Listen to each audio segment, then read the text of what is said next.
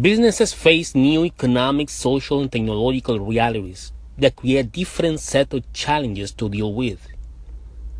However, there is something important to remark.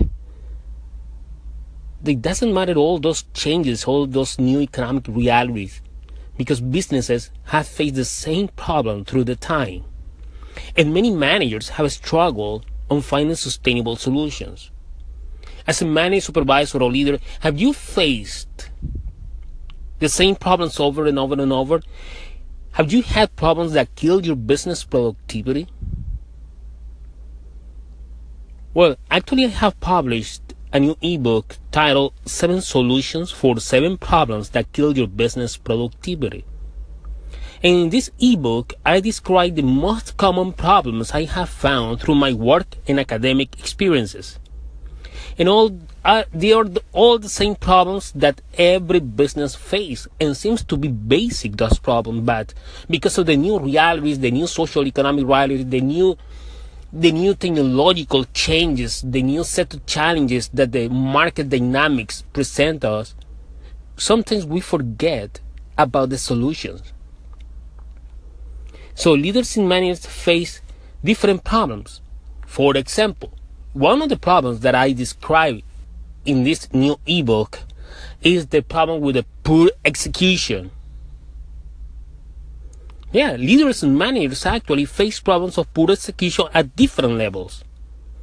You as manager or leader or business owner have to be decided to execute. And remember that you execute through people. It doesn't matter if you have designed a new product, a new service, and you have a new winning strategy. If the execution fails, your business fails.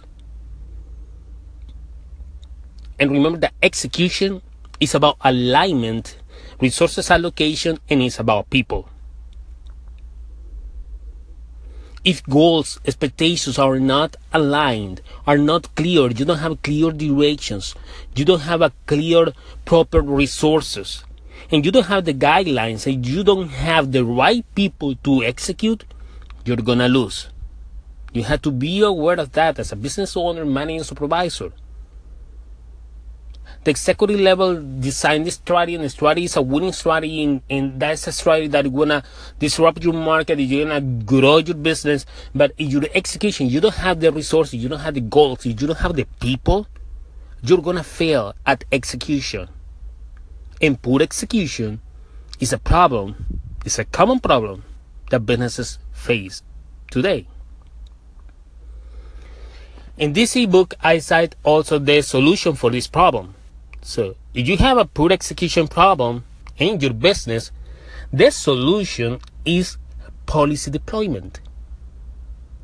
Policy deployment is a tool that will help you achieve this alignment and allocate resources properly and hold people accountable through clear expectations and direction.